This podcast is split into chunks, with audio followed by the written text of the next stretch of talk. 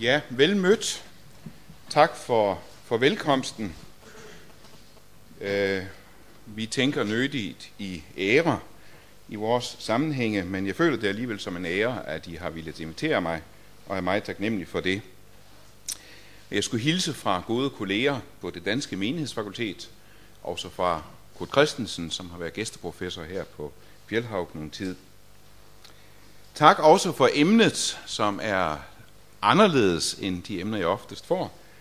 Øh, et emne, der ikke bare sådan er interessant i kampen udad til i samtiden, men går dybt ind i den enkelte af os, at hente Gud tilbage. Altså Gud, hvis du nu alligevel ikke eksisterer, så skal du få sådan en gang bank. Det er ikke den mest logiske bøn, jeg kender.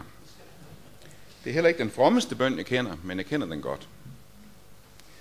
Er det en blasfemisk bøn? Er den respektløs over for den hellige? Det vender jeg lige tilbage til. Men altså, Gud har jo gjort ufattelig meget for os. Han har givet os Lukas Kranachs malerier. Han har opfundet kolibrier og roser og Moses requiem og latter. Og han er kærlighed. Han er blevet menneske. Han har sendt os sin ånd. Kan man så med rimelighed forlange, at han skulle gøre mere? For eksempel den lille detalje at eksistere. Eller er det at forlange for meget? For mange er det overhovedet ikke et spørgsmål. Selvfølgelig eksisterer Gud. Hvordan skulle det ellers kunne eksistere? Blomster og kunst og latter og kærlighed og Mozart. Eller U2-koncerter, hvis man ikke er til Mozart. Eller som nogen har sagt det kogt ned til en sætning, hvorfor er det ikke ingenting? Og hvis man på forhånd udelukker forestillingen om en skaber, er det faktisk ikke så let at svare på. Endnu vanskeligere bliver det, hvis man spørger, hvorfor er der skønhed? Og allerbedst, hvorfor er der kærlighed? Det er simpelthen et af de skønneste billeder, jeg nogensinde har fundet på internettet. Øh, de der to gamle mennesker ude ved havet. Hvorfor er det så noget som kærlighed? Alligevel er der også en del mennesker, for hvem det stadig ikke er helt så selvfølgeligt. De kan sagtens se både blomsterne og fuglene og latteren og kærligheden. De kan bare ikke se Gud i det. Sådan har det været længe. Det nye er, at der i dag også er en del kristne, der vedgår, at det er ikke så selvfølgeligt for dem heller. De kan godt høre koncerten og se skønheden og mærke kærligheden. De er også overbevist om, at hvis Gud eksisterer, så er det alt sammen vidnesbyrd om hans skaber magt og hans godhed og skaber glæde. Men kunne blomster og kærlighed og latter strengt taget ikke lige så godt eksistere uden Gud? Og det er sådan, de tænker, disse kristne, der måske har vanskeligere end andre ved at tro på noget overnaturligt, tro på under og tro på nogen Gud overhovedet. For hvad nu hvis Darwin og Marx og Feuerbach og Richard Dawkins har ret? Det er jo intelligente mennesker. Så dagens spørgsmål er altså, kan vi i en sandhedspluralistisk tid alligevel sige noget om, hvad der er sandt? Og, sådan som jeg forstår mit emne, er det muligt i en sandhedspluralistisk tid at sige noget sandt om Gud? Giver det overhovedet mening at tale om en fælles sandhed for alle mennesker? Kan man tale om kristendommen som public truth? Altså ikke blot som al- alment kendt sandhed, men som universel sandhed, public truth. Alle mennesker lever i samme verden, stort set. Og det er det sandt, som det påpeges i en uendelighed i moderne teologi, at vi kun kender tingene, som de er for os, ikke som de er i sig selv. Alligevel er vores oplevelse af tingene tilstrækkeligt ens, til at vi kan skændes meningsfuldt om dem. Vi kan synes forskelligt om dem, jævnfører Mozart og U2, men vi oplever dem tilstrækkeligt ens til at kunne diskutere og kommunikere og skændes om dem. Alligevel er denne samme verden for nogle mennesker et stort vidnesbyrd om eksistensen af en skaber. For andre mennesker er al religion et stort vidnesbyrd om menneskets evne til fortrængning og ønsketænkning og hallucination og selvbedrag. Og det er det, der er så frustrerende. Det er det, der er så spændende, og det er så, det, der er så mærkeligt. At vi lever stort set i samme verden, overvældet af lidelse og latter, men vi tolker samme verden vidt forskelligt. Og kan man så overhovedet tale om nogen public truth? For på begge sider af denne forskel findes tolkningerne i rabiate, militante, fanatiske udgaver. Der er både religiøse tolkningsudgaver, der er ateistiske tolkningsudgaver, som ikke kender til tvivl, og som dømmer det modsatte syn som en mild form for sindssyge. Da min bog, Ateistisk Andagsbog, kom i 2001 på dansk, der var det forlaget og min bestemte mening, at den var allerede da ved at være forældet. Jeg havde lidt dårligt ved overhovedet at udgive den, fordi religiøsiteten havde jo sejret, ateismen var fortid. Hele kulturen var ved at lukke og slukke i debatten om ateisme. Godt nok havde ateismen i efterkrigstiden stået parat til den sidste begravelse, den sidste jordpåkastelse over al religion, men nu var det pludselig i, nyreligi- i nyreligiøsiteten religionen, der var ovenpå. Og den der overbeviste, skråsikre ateisme havde tabt. Den var henvist til at vrikke afsted med sin rollator, surt og vrissent, på naturvidenskabens gamle hjem. Men i dag er det nyreligiøsiteten, der er ved at være gammel og slidt og forbenet og døende. Ateismen vender i dag tilbage med en ny militant sejrsikkerhed som ny ateisme. Lige så skråsikker som den modernistiske ateisme var det i 1960'erne. I dag siges det ikke længere, som vi var vant til for bare 10 år siden, at alle religioner vil det samme og gør det samme, nemlig føre os til Gud. I dag siges det, at alle religioner vil det samme og gør det samme, nemlig forpester tilværelsen. Og der kan man selvfølgelig ryste på hovedet læne sig tilbage, betragte historiens pendulsving, det går fra den ene side til den anden, med, med lidenhed. Men for nogle af os går det hårdere ind end som så. Kampen står for os ikke først og fremmest derude i verden, men den står i vores egen krop. Vi kan godt se, at den der militante ny ateisme er for så vidt kun en tolkning af verden, der vender tilbage. Den har stadig ikke alle fakta på sin side, den er i sin nye skråsikkerhed lige så primitiv og naiv som præmoderne middelalder. Og alligevel bliver nogle af os usikre. For vi er så at sige nogle af os forbandet med ateistiske gener. Den militante ateisme har en forræderisk forbundsfælde i vores eget indre. Og det her berømte religiøse center deroppe i frontallappen mangler nogle af os åbenbart. Og hvis andre skulle mene, at det er bare en koket overdrivelse fra vores side, så ved vi bedre. Det er barndommens mareridt om uhyret under sengen, der vender tilbage. Findes Gud alligevel ikke. Har han virkelig magtet alt, undtagen dette ene at eksistere? Nogle af os er altså instinktivt og træt ateistiske af natur. Vi er ikke ateister af overbevisning men vi er ateister af natur. Vi er kristne af overbevisning. Vi tror på Kristus. Vi beder til Kristus som Guds søn, opstanden og levende. Men af natur, af instinkt, og måske også af kultur, er nogle af os åbenbart sejlivede ateister. Vi har det svært med religion. Den virker primitiv og fortænkt på os. Vi kan ikke lide spiritualitet. Den virker sentimental og verdensfjern. Vi bryder os ikke om bøn. Den virker som tom snak ude i et tomt rum. Vi klynger os fortvivlet til det alt sammen, fordi vi tror, det er sandheden. Vi klamrer os til det som druknende til en redningsbåd eller en redningskrans. Men vi føler os ikke hjemme i det. Andre, og det er altså både kristne og ikke-kristne, elsker religion og spiritualitet og bøn. Det er deres naturlige miljø. Det stemmer med deres natur. De føler sig hjemme i det. For dem er det ikke en redningsbåd eller en redningskrans, men deres trygge hjem. Og når så vi som kristne er så dramatisk forskellige, hvad er det så overhovedet for en Gud, vi forsøger at hente tilbage? Vi er jo nok klar over, at vi taler ikke om at gå tilbage til paradis, hente ham der, for den tid er forbi. Hvis vi mødte den hellige direkte, ansigt til ansigt, som i Edens have gik vi til grunde. Guds virkeligheden kan vi ikke komme tilbage til. Men vi kan gå tilbage til Guds ord og til Guds billedet. Og det var det, vi skulle forsøge på i dette emne.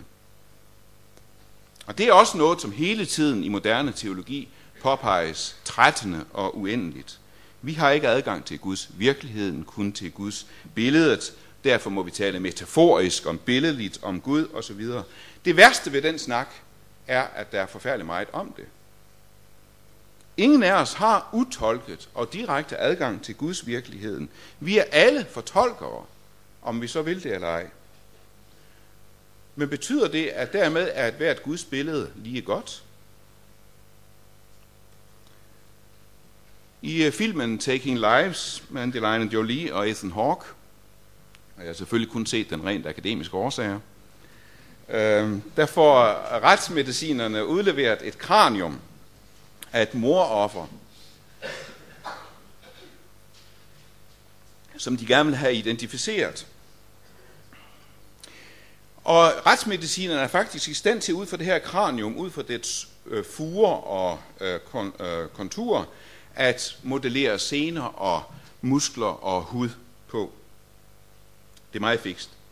Hvad de jo ikke kan rekonstruere, det er, hvilket udtryk har dette ansigt. Hvordan var dets blik? Hvilket udtryk havde det ansigt, når det elskede, når det hadede? Hvordan så det ud, da det døde?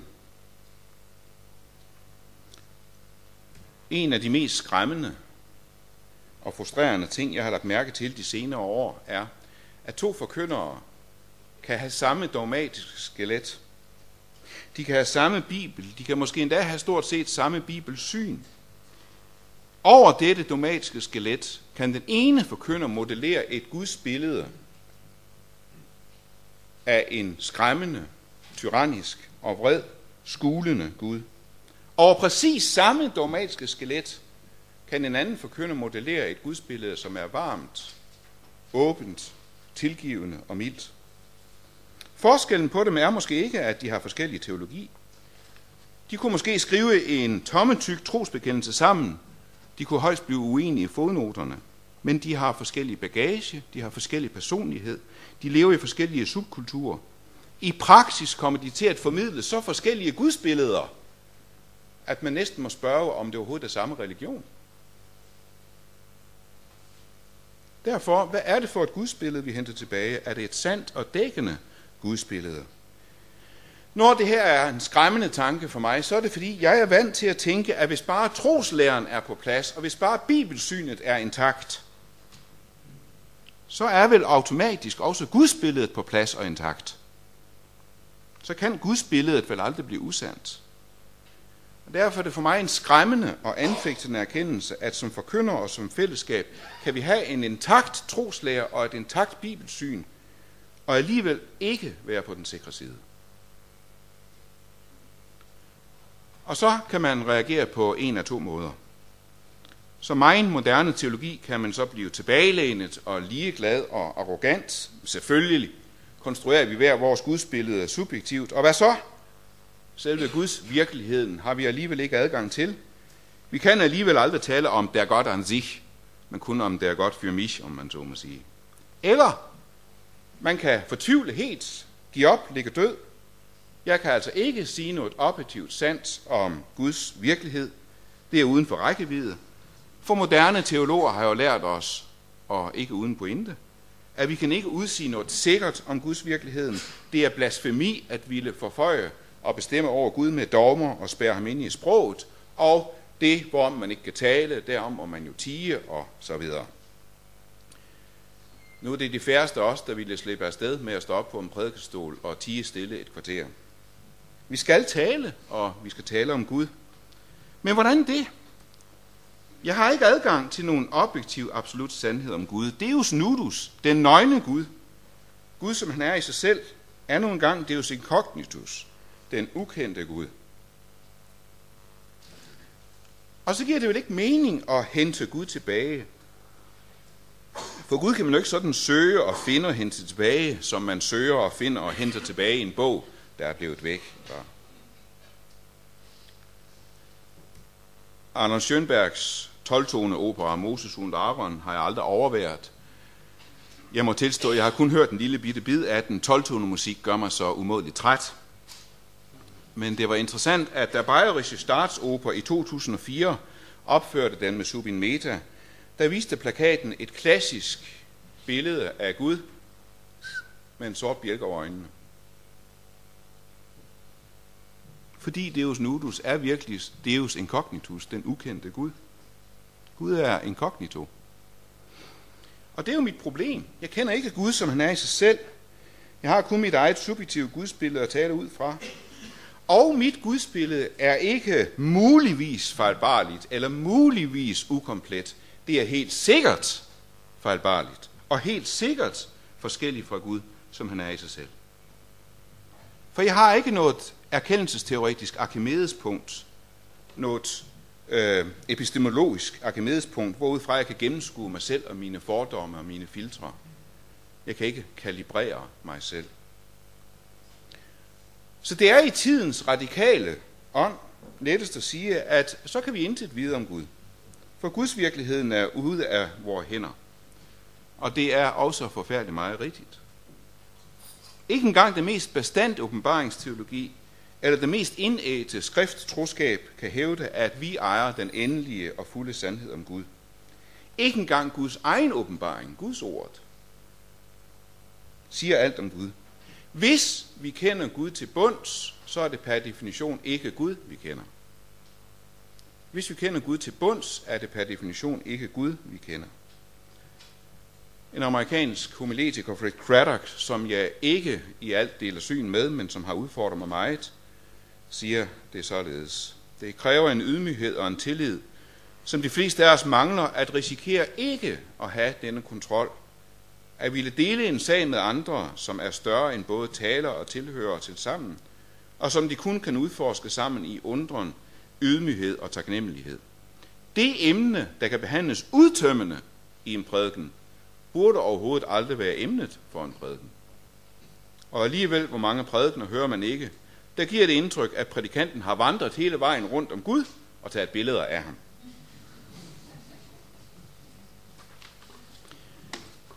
Det har vi jo altså ikke. Og denne solidariske ydmyghed kommer ikke bare af sådan en erkendelsesteoretisk, en epistemologisk usikkerhed.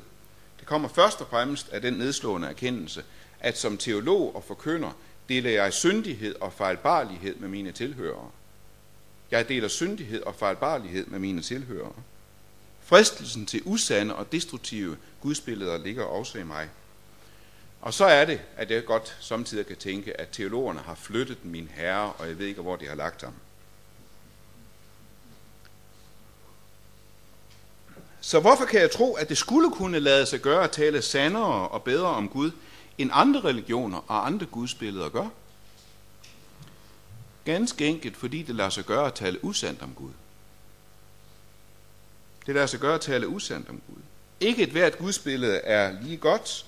Nogle gudsbilleder er gudebilleder, og de taler usandt om Gud. Et sandt og godt gudsbillede i forkyndelsen kan ikke verificeres, for det ligger uden for bevisførelsens mulighed, men det kan falsificeres. Det kan afsløres som falsk, hvis det ikke er sandt og godt og rigtigt. Det her, det er jo da også et gudsbillede. Men det er ikke et godt gudsbillede. Hvad så med det her? Jeg ved ikke, om nogen af jer genkender det. Fra Monty Python. Det skulle jo så være lidt bedre, selvom jeg ved snart ikke rigtigt. Nogle gudsbilleder er dårligere end andre. Og derfor er dermed nogle gudsbilleder bedre end andre. Og derfor er teologi ikke håbløst. Det lader sig gøre at forkynde. Jeg kan ikke tale absolut sandt og endegyldigt om Gud, for så skulle jeg selv være Gud. Men jeg kan stræbe efter at tale sandere om Gud. Nærme mig et sandere gudsbillede. For det er jo ikke bare et problem for os, at vi ikke har øh, denne absolute adgang til Gud. At der er forskel på vores subjektive gudsbillede og på den objektive gudsvirkelighed. Det er også livsvigtigt. Det er i virkeligheden vores eneste redning. Og det spændingsfelt vil jeg godt prøve at illustrere ved hjælp af William Blake, nogle af William Blakes korstik. Hans mytologi er særegen, hans kristendomstolkning er ikke direkte ortodox, men det er meget, meget spændende alligevel. Hans øh, illustrationer til Jobs bog er for nylig blevet udgivet af Virginia Museum of Fine Arts. William Blake havde omkring år 1800 skabt et billede af Guds skabelse af mennesket, hvor mennesket er et spejlbillede af skaberen. Han er ikke skaberen, der er forskel, men de er, han, han bærer helt tydeligt skaberens billede. Det mærkeligste er, at allerede her i skabelsens øjeblik er Adam omviklet af slangen. Allerede da omvikler slangen mennesket.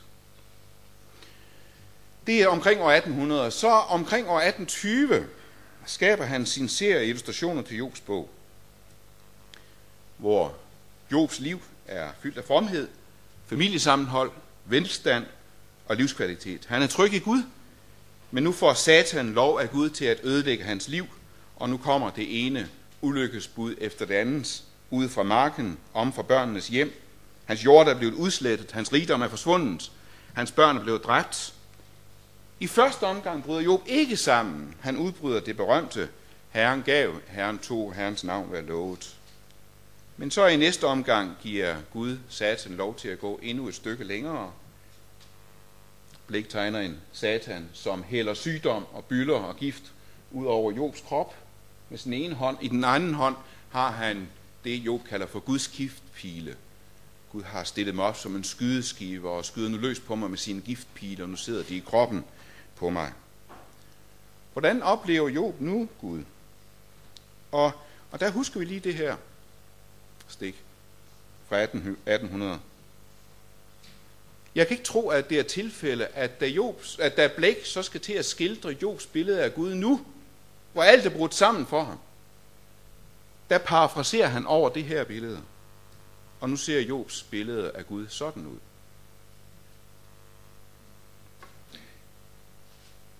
Nu er det ikke Job, der er viklet om af slangen. Nu er det Gud. Gud har hov. Han peger på loven. Det er ikke mig, der har syndet. Det er dig, Job, der har syndet. Når jeg tænker, min seng skal give mig trøst, mit leje skal lette min klage, så forfærder du mig med drømme og overfalder mig med syner. Der ønsker jeg, at jeg var kvalt, hellere døden end disse lidelser. Jeg kan ikke mere, jeg vil ikke blive ved at leve. Sådan er hans billede nu af Gud. Nu er Gud blevet uhyret under sengen under barndommens, i barndommens mareridt. Og ikke Guds forladthed, ikke fraværet af Gud. Hvad er Guds virkeligheden? Hvad er Guds billede? Hvad er det teologisk korrekt til af Gud? Hvad er menneskers subjektive oplevelse af Gud? Som forkyndere møder vi samtidig mennesker, for hvem Gud er et mareridt. De har fået et fuldstændig destruktivt billede af Gud. Og de kan have lige så gode grunde til det billede, som Job har. Men vi opdager måske ikke engang, at mens vi er begejstret og glad, står og pluder om, hvor herligt og hvor fint og hvor opløftende det er at tro på Gud, så sidder nogle tilhører måske lojalt og prøver på at se denne Gud for sig. Men det er jo den Gud, der tog min mor. Det var den Gud, der var tavs, der blev misbrugt. Det var den Gud, der vendte det, det, det døve øre til, mens jeg råbte og græd og bad, eller det er den Gud, i hvis navn mennesker har myrdet og dræbt og, ud, og brændt hinanden, religionen for pest og alt. Og hverken tilhørende eller vi opdager, at vi taler om hver sin Gud. Hvad er det så for en Gud, jeg henter tilbage? Hvad siger man over for et gudsbillede som Jobs? Der må vi sige to ting. Og de er lige vigtige, og de er lige vanskelige at sige. Det første, det er, ja, sådan må du se Gud. Du har grunde, du har gode grunde til at opleve Gud sådan. Det er empatiens indsigt. Det er empatiens indsigt. Et menneske har altid gode grunde til at se Gud, som det gør. Og det nytter ikke noget at feje utålmodigt det skudspiller til side med et, ah, det er jo kun en drøm. Det er jo ikke rigtigt. Jeg må respektere mit menneskes gudsbillede, uanset hvor forfejlet det er. For at respektere jeg ikke et menneskes gudsbillede, kan jeg ikke udfordre det gudsbillede. Det er det første, jeg må sige. Det er empatiens indsigt. Ja, sådan må du se Gud. Det andet, jeg må sige, det er, men sådan er Gud ikke. Det er troens indsigt. Og i samme øjeblik, jeg indvender imod et gudsbillede som Jobs, eller imod et hvilket som helst andet fejlagtigt, eller destruktivt, eller perverteret billede af Gud, at sådan er Gud ikke, så har jeg tiltaget mig et frygteligt ansvar. Jeg påstår, at jeg ved noget om Gud. Jeg våger at hævde, at jeg ved noget om et andet menneskes gudsbillede, at det er forkert. At det tager fejl af Gud. Og at dets gudsbillede må falsificeres. Både Jobs gudsbillede og vennernes gudsbillede skal respekteres. Først og fremmest Jobs gudsbillede, fordi det er fortvivlelsens og længsens gudsbillede. Men også Jobs venners selvretfærdige og perverse gudsbillede skal respekteres, for ellers får man aldrig dem i tale. Men det skal også modsiges. For det er usandt, og det er usundt, det er destruktivt. Det vil sige, det her, det er et teologisk ansvar, vi ikke kan undslippe. For ellers så svigter jeg mit martrede medmenneske.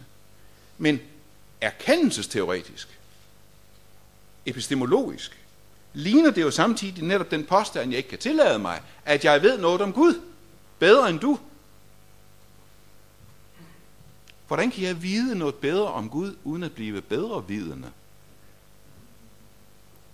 For også dit gudsbillede er jo fejlagtigt. Også mit gudsbillede er fejlagtigt. Jeg har heller ikke adgang til den absolute sandhed om Gud. Også jeg famler i mørket. Også for mig er Deus nudus, Deus incognitus, den nøgne Gud, er den ukendte Gud. Og alligevel påstår jeg ikke bare, at mit gudsbillede er sjovere, eller rarere, eller mere behageligt. Jeg påstår, at det er objektivt sandere. Hvordan kan jeg det?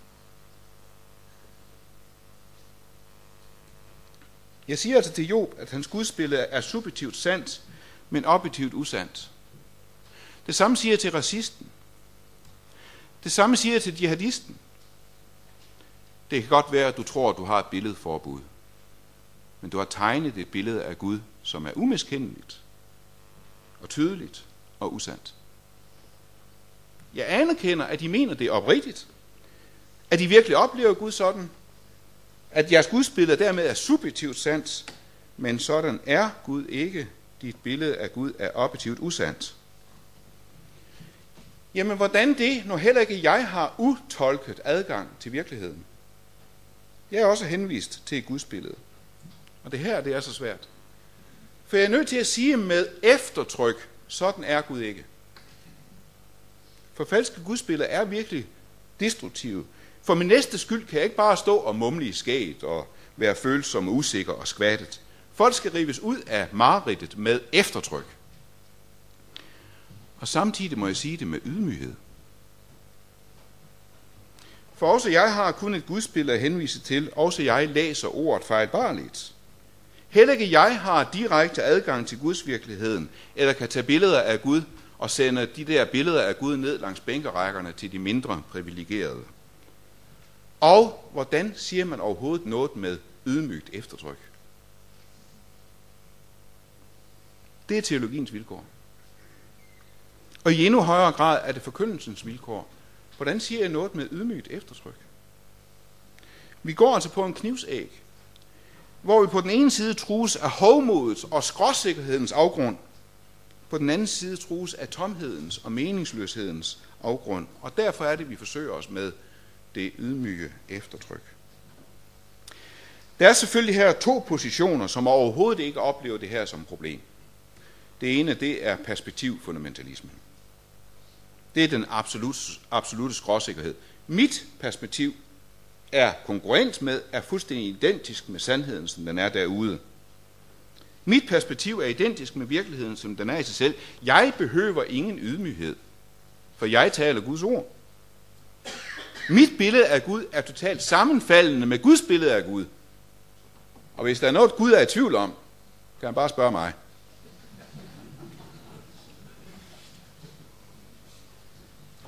Det er den ene. Den anden, det er den agnostiske fundamentalisme. Jeg vil ikke sige noget som helst med eftertryk, for ingen kan sige noget om Gud. Jeg ved ikke noget om Gud, og derfor er der ingen, der ved noget om Gud.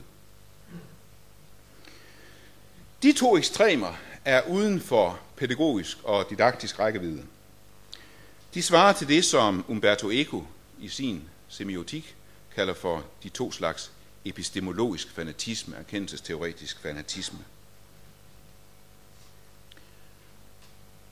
Paulus derimod har sammenfattet det kristne syn på sandhed og søgen, på tro og anfægtelse med ordene. Ikke at jeg allerede har grebet det, eller allerede er blevet fuldkommen. Og dermed afviser han perspektivfundamentalismen. Men jeg jager efter det, om jeg virkelig kunne gribe det. Fordi jeg selv er grebet af Kristus Jesus. Der af, dermed afviser han den agnostiske fundamentalisme. Brødre, jeg mener ikke om mig selv, at jeg allerede har grebet det. Men dette ene gør jeg, jeg glemmer, hvad der ligger bagude, og strækker mig frem mod det, der ligger forude. Jeg jager mod målet. Jeg har ganske ofte tænkt, at jeg har ufattelig meget til fælles med den, der ikke kan finde Gud. Jeg har ufattelig meget til fælles med den, der ikke kan finde Gud. Jeg har intet til fælles med den teolog, der med et tilbagelænet og bedrevidende, afslappet smil siger, at vi ved ingenting. Sagt kort. En form for antimetafysisk teologi, som når frem til, at den ved ingenting om Gud. Derfor har den kun at tige. Den kan jeg faktisk forstå. Jeg kan da anfægtes af den og udfordres af den. Men en teologi, som kun ved ingenting om Gud, når det passer den, og derefter, når det passer den, hæfter op ad døre og ned og stolper om Gud, den imponerer mig ikke voldsomt. Som for eksempel i John Shelby Spongs, en ny kristendom i en ny verden, hvorfor traditionel tro er ved at dø, og hvordan en ny tro er ved at blive født. Han er post-teist. Han afviser, at Gud skulle kunne defineres per dogmer og definitioner. Hans erklærede mål er at nærme sig en Guds oplevelse uden definitioner, som han siger, hvorefter han selv definerer Gud i punkt 1 og punkt 2 og punkt 3. Hans egne ord kan nok definere Gud, som han selv udtrykker det. Når jeg forsøger at beskrive denne virkelighed, mangler jeg ord, hvorefter han skriver 255 sider om den.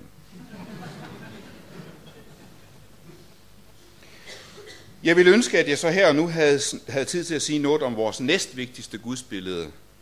Vores næstvigtigste gudsbillede, nemlig mennesket. Skabt i Guds eget billede, nemlig Gud må have en syg sans for humor. Fordi Sten har ret i, at vores næstvigtigste billede af Gud, det er os. Det er vores næste, og det er os selv, fordi vi er skabt i Guds billede. Selv det gudløse menneske bærer Guds billede. Men mere kan jeg ikke nå at sige om det. Vores vigtigste gudsbillede vil jeg slutte med til sidst. I hvor høj grad er vi henvist til kun at tale metaforisk om Gud? Det er fantastisk vanskeligt og fantastisk vigtigt, og jeg er desværre ikke særlig god til sprogfilosofi. Jeg håber derfor, at det er ok, at jeg i stedet forsøger at illustrere med en tilgang, som hverken er teologisk eller filosofisk. For mig ligner det rigtig meget det gode gamle spørgsmål om forholdet mellem kunst og virkelighed. Magrits gode gamle vidighed er stadig god. Hans maleri er en pibe med underteksten, så sine pas en pibe, Dette er ikke en pibe. Og generation efter generation af betragter har, har sagt, hvad er det der en pibe? Altså, hvad mener han? Han må, han må jo mene et eller andet dybsindigt. Men det skal tages fuldstændig bogstaveligt. Det er ikke en pibe. Du kan ikke tage den i hånden. Du kan ikke stoppe tobak i den. Du kan ikke ryge på den. Det er et billede af en pibe. Det er ikke en pibe virkelighed. Det er et pibe billede. Folk protesterer, fordi de kan ikke forstå forskellen på virkelighed og billede. På samme måde har folk protesteret, generation efter generation af forkynder protesteret og sagt, ja, mit billede af Gud er Gud. Mit gudsbillede er identisk med Guds virkelighed. Men min prædiken er ikke Guds ord. Den er et billede af Guds ord. Den nærmer sig. Mit billede af Gud er ikke Gud. Hvor meget løser det egentlig? Okay, det er ikke en pibe. Okay, men det er der så meget, der ikke er. Det er jo da heller ikke en pibe.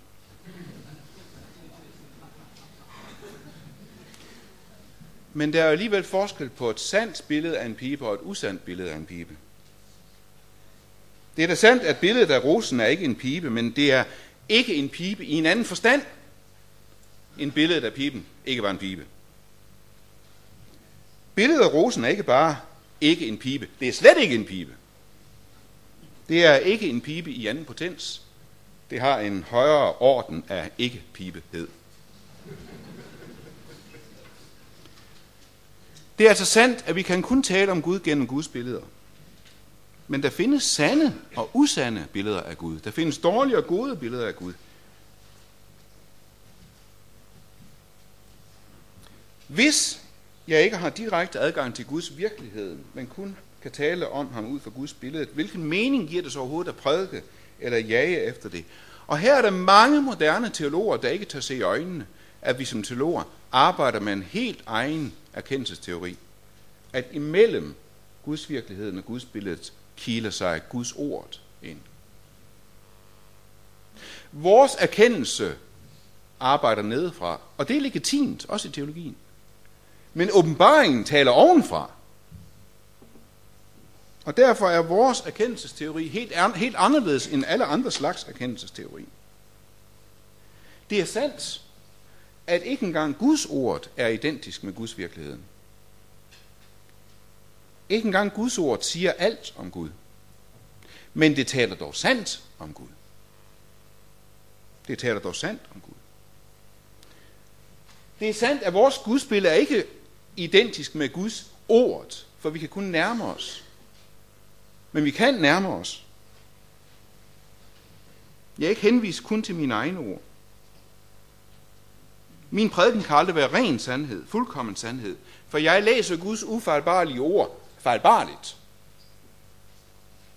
Men jeg kan ved Guds ånd nærme mig. Jamen, jeg vil, jeg vil da absolut foretrække det der. Det er da meget pænere end en, end en pibe. Og piber, de er farlige, og de stinker, og de syder, og, øh, og så videre. Ja, men det er stadigvæk ikke et billede af en pibe. Og hvis jeg har brug for at vide noget om piber, hjælper det ikke noget, at mit billede er et dårligt billede af en pibe. Det er et dårligt billede af en pibe. At vores gudsbilleder er forskellige fra Guds virkeligheden, betyder ikke, at så kan de intet sige om Gud. Nu har jeg jo ikke adgang til sådan en flot tegning som Margrits af en pibe. I det daglige så er jeg nødt til selv at forsøge mig med at tegne piber. Det er jo endnu mindre en pibe, end Margrits er. Det er et dårligt billede af en pibe, men det er et bedre billede af en pibe, end rosen er. Det siger mere om piber, end rosebilleder gør. Så det, at jeg forsøger mig og gør mit bedste, er ikke nok. Det er ikke nok at sige, at jeg føler virkelig for det. Det er meget smukt billede. Aaron gjorde også sit bedste, at han ville lave et billede af Israels Gud. Og det blev et flot billede, men det blev falsk. Det blev en erkendelsesteoretisk katastrofe.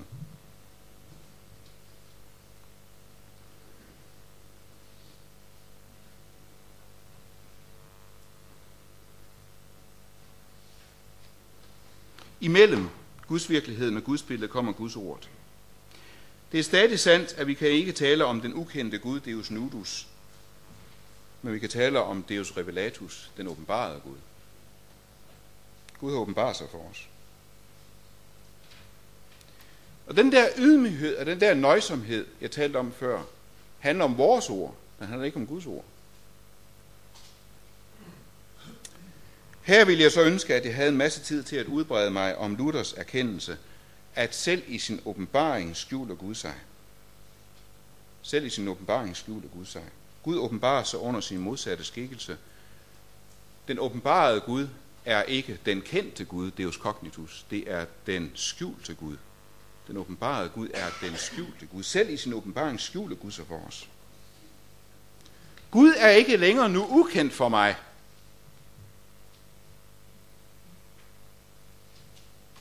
men han er stadig skjult. Jeg oplever ham i forfærdende grad for ryggen. Jeg oplever ham under hans modsætning. Det er Luthers korsteologi, og jeg vil ønske, at jeg havde meget tid til at gennemgå det. Men det er bare vigtigt for mig at få sagt dette. Dette, at vi ikke begriber Gud, det er ikke bare dumhed. Dette, at Gud, på mig virker Gud fjern og uforståelig. Han virker lige frem ond og lige glad. Det er ikke bare synd. Det ligger i korsets teologi, at det er Guds åbenbaringsform, Det er et mønster i hans måde at møde os på. Jeg skal lige skyde et næst sidste punkt ind, før jeg kommer til mit sidste og vigtigste punkt. På grund af Guds selvåbenbaring er det ikke blot muligt at tale sandt om Gud, det er faktisk muligt at tale ligefremt om Gud. Hvormed menes, at vi ikke henvist til kun at tale metaforisk og billedligt. Vi kan faktisk tale ligefremt. Skal torsdag aften, sådan har jeg talt til jer i billeder. Der kommer en tid, da jeg ikke mere skal tale til jer i billeder, men lige ud forkynde for jer om faderen. Den dag skal I bede i mit navn. Hans disciple sagde, nu taler du lige ud, og du bruger ikke billeder. Nu ved vi, at du ved alt, og ikke har brug for, at nogen spørger dig. Derfor tror vi, at du er udgået fra Gud. Altså, en teologi, der stadig kun tager tale i billeder, skaber usikkerhed om, hvorvidt Kristus virkelig er udgået fra Gud. For tiden siges der i moderne teologi ganske meget om, at Gud bor i metaforen. Gud bor i metaforen. Vi kan kun tale billedligt om Gud. Det er en erkendelsesteoretisk, det er en teologisk fadæse at sige noget sikkert om Gud. At tale om Gud ligefremt, det tangerer blasfemi, siger moderne teologi. Han kan kun beskrives i analogier og metaforer.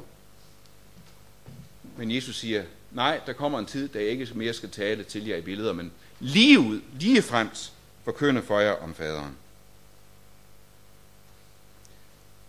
Han havde selv talt um-, umådeligt meget i billeder, men nu skulle det ikke fortsætte, for nu er skulle det tales lige fremt.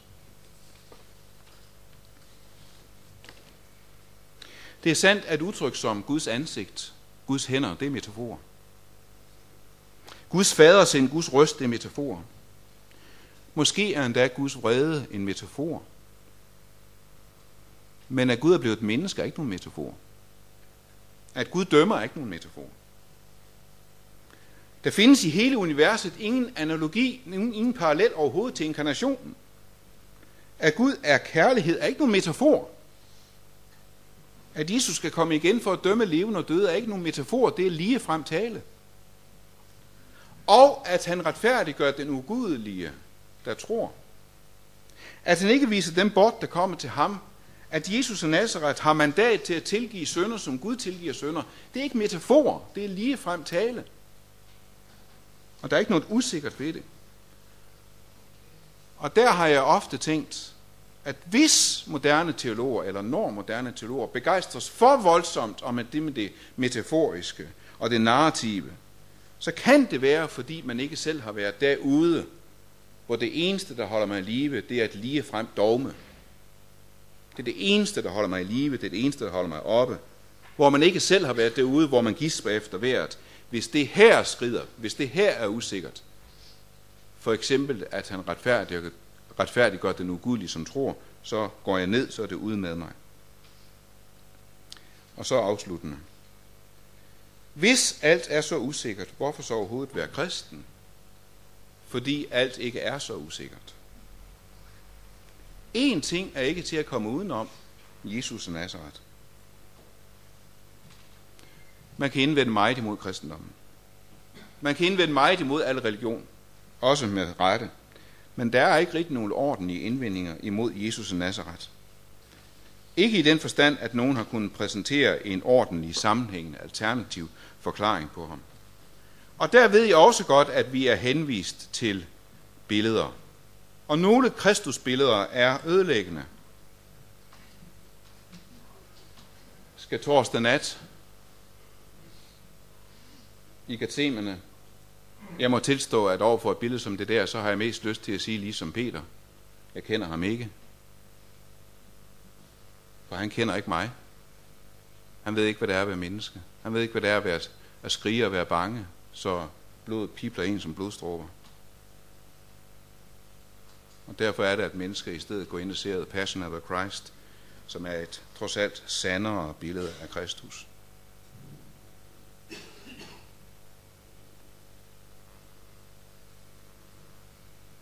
Hvad er det største problem med vores gudsbilleder?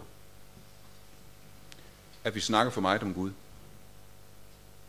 Vi snakker for meget om Gud. Og dermed mener jeg, at vi snakker for lidt om Kristus.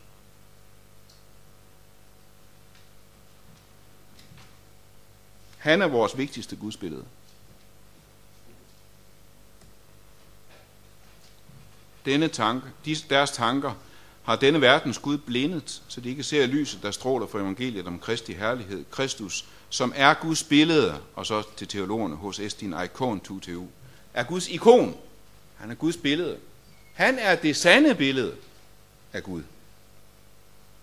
Og utrolig meget diskussion om Guds virkelighed og metaforer og epistemologi og metaforik og semiotik føres som om der aldrig var brudt et gudsord ind i denne verden, som om der ikke fandtes et gudsord, som om dette gudsord ikke var blevet kød. Når jeg slås med Gud og synes, at han er for fjern og for mærkelig og for sær og for tavs, vender jeg igen og igen tilbage til ordet fra Johannes prologen. Ingen har nogensinde set Gud. Og det er afgørende. Vi har ikke adgang til Guds virkeligheden. Men det betyder ikke bare, at jeg ikke har set Gud ind i ansigtet. Jeg har ikke forstået ham. Han er den ukendte Gud. Men den enborne, som selv er Gud, og som er i faderens favn, han er blevet hans tolk. Jeg har ikke kunnet finde nogen norsk oversættelse, der oversætter det på samme måde. Men der står altså på græsk exegesato. Kristus er blevet Guds exeget. Guds fortolker. Han er blevet hans tolk. Når Gud er mærkelig og fjern og uforståelig og taler sært eller er for tavs, har han givet mig en oversætter. Kristus er Guds tolk. Han har givet mig et sandt billede af Gud, så jeg ikke er henvist til min oplevelse af fjernhed og tavshed og uforståelighed. Vi har ikke set Gud. Ikke blot i den forstand, at vi ikke har set ham ind i ansigtet, eller ikke har fotograferet ham, men også i den forstand, at han ikke er til at begribe. Men han har givet mig en oversætter. Og nogle af os kan altså først tro på, at der er en Gud deroppe, når han er kommet herned. Nogle af os skal først tro på, at der overhovedet findes sådan noget som ånd og åndelighed og en overnaturlig verden, når Gud er blevet krop. Nogle af os kan kun leve med, at Gud er så fjern og så sær og så helt anderledes end os, når han er blevet helt som os. Så selvom Gud stadig er den skjulte Gud, så er han ikke længere ukendt. Jeg kender ham gennem Kristus. Men vi ved, at Guds søn er kommet, og at han har givet os forstand, så vi kan kende ham, som er den sande. Og vi er i den sande i hans søn, Jesus Kristus. Han er den sande Gud og det evige liv. Lige en personlig vinkel på det her. Det sidste år her har min familie og jeg haft et meget mærkeligt år. Og det går et hårdt ud over min bøn til Gud. En overgang er min bøn faktisk rumpet ind til sætningen, Gud, ud over Jesus og Nazareth, så giv mig en eneste grund til, at jeg skulle tro på dig. Ud over Jesus og Nazareth, så giv mig en eneste god grund til, at jeg skulle tro på dig. Og jeg synes, at jeg venter stadig. Herude hjælper hverken kolibrier eller Mozart. Og i en forstand oplever jeg det nok selv sådan, at jeg har ventet hele mit liv på den gode grund til at tro på Gud, men det kommer aldrig. Kun ét eneste sted i hans søn. Ham kan jeg ikke komme udenom. Stort set er Jesus af Nazareth min eneste holdbare grund til overhovedet at tro på nogen Gud. At han er blevet et menneske. Så at hente Gud tilbage, det vil for mig sige at vende tilbage til Kristus. At hente sandheden om Gud tilbage som public truth, det vil sige at proklamere en Kristus. Så min allerførste sætning var den blasfemisk. Altså Gud, hvis du nu alligevel ikke eksisterer, så skal du få sådan en gang bank. Nej, egentlig ikke. En Gud, som ikke eksisterer, er en afgud. En ikke-Gud. Og sådan en Gud kan man sige hvad som helst det. Men øh, hvis Gud findes, kan jeg så også sige hvad som helst til ham. Det er jeg knap så sikker på. Man kan godt, men det er ikke sikkert, det er klogt. Gud tager ikke skade, men ens tro kan godt tage skade. Gud tager ikke skade for eksempel af farisæerens bøn, at jeg takker dig, at jeg ikke er som andre mennesker. Men farisæeren selv tager skade af den. Men hvad så med Jobs raseri? Over Guds giftpile, at Gud har forladt ham og svigtet ham, at Gud er uretfærdig. Jeremias' anklage, at Gud har svigtet ham. Jesu fortvivlede angst, at Gud har forladt ham. Davids vrede over, at Gud sover. Tager man ikke skade af det? Nej, det tror jeg ikke. For det er ikke frækhed. Det er fortvivlelse. Gud, nu skulle du få sådan en gang bank. Det er Jakobs kampen, hvor Jakob garanteret ved Jaboks bæk ikke bare har, har brydes med Gud, men har slået og sparket ham og bit.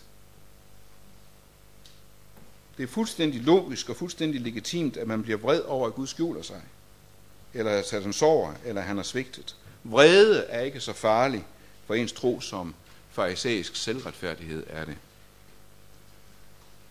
Men vrede kan man faktisk også på et tidspunkt blive lidt træt af.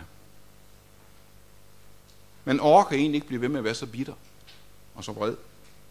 Heller ikke på Gud og på hans tavshed. Og så kan det for nogle af os på et tidspunkt ske, at jeg begynder at forsone mig med Gud. Forlige mig med, med ham, som Paulus siger det. Forsone mig med Gud og hans tavshed. Forsone mig med, at Gud er langt borte. At han ikke er til at forstå. Forsone sig med Guds forladtheden som et vilkår. Tag den op på skulderen som et kors. Som en pil i kroppen, hvis modtager, modhager sidder for dybt til, at den kan pilles ud, men som alligevel ikke har taget livet af mig så må man vandre videre med pilen i kroppen, med korset på skulderen, med Guds forladtheden og det ateistiske instinkt dunkende i kroppen med hvert putslag, men alligevel vandrende tilbage til Gud.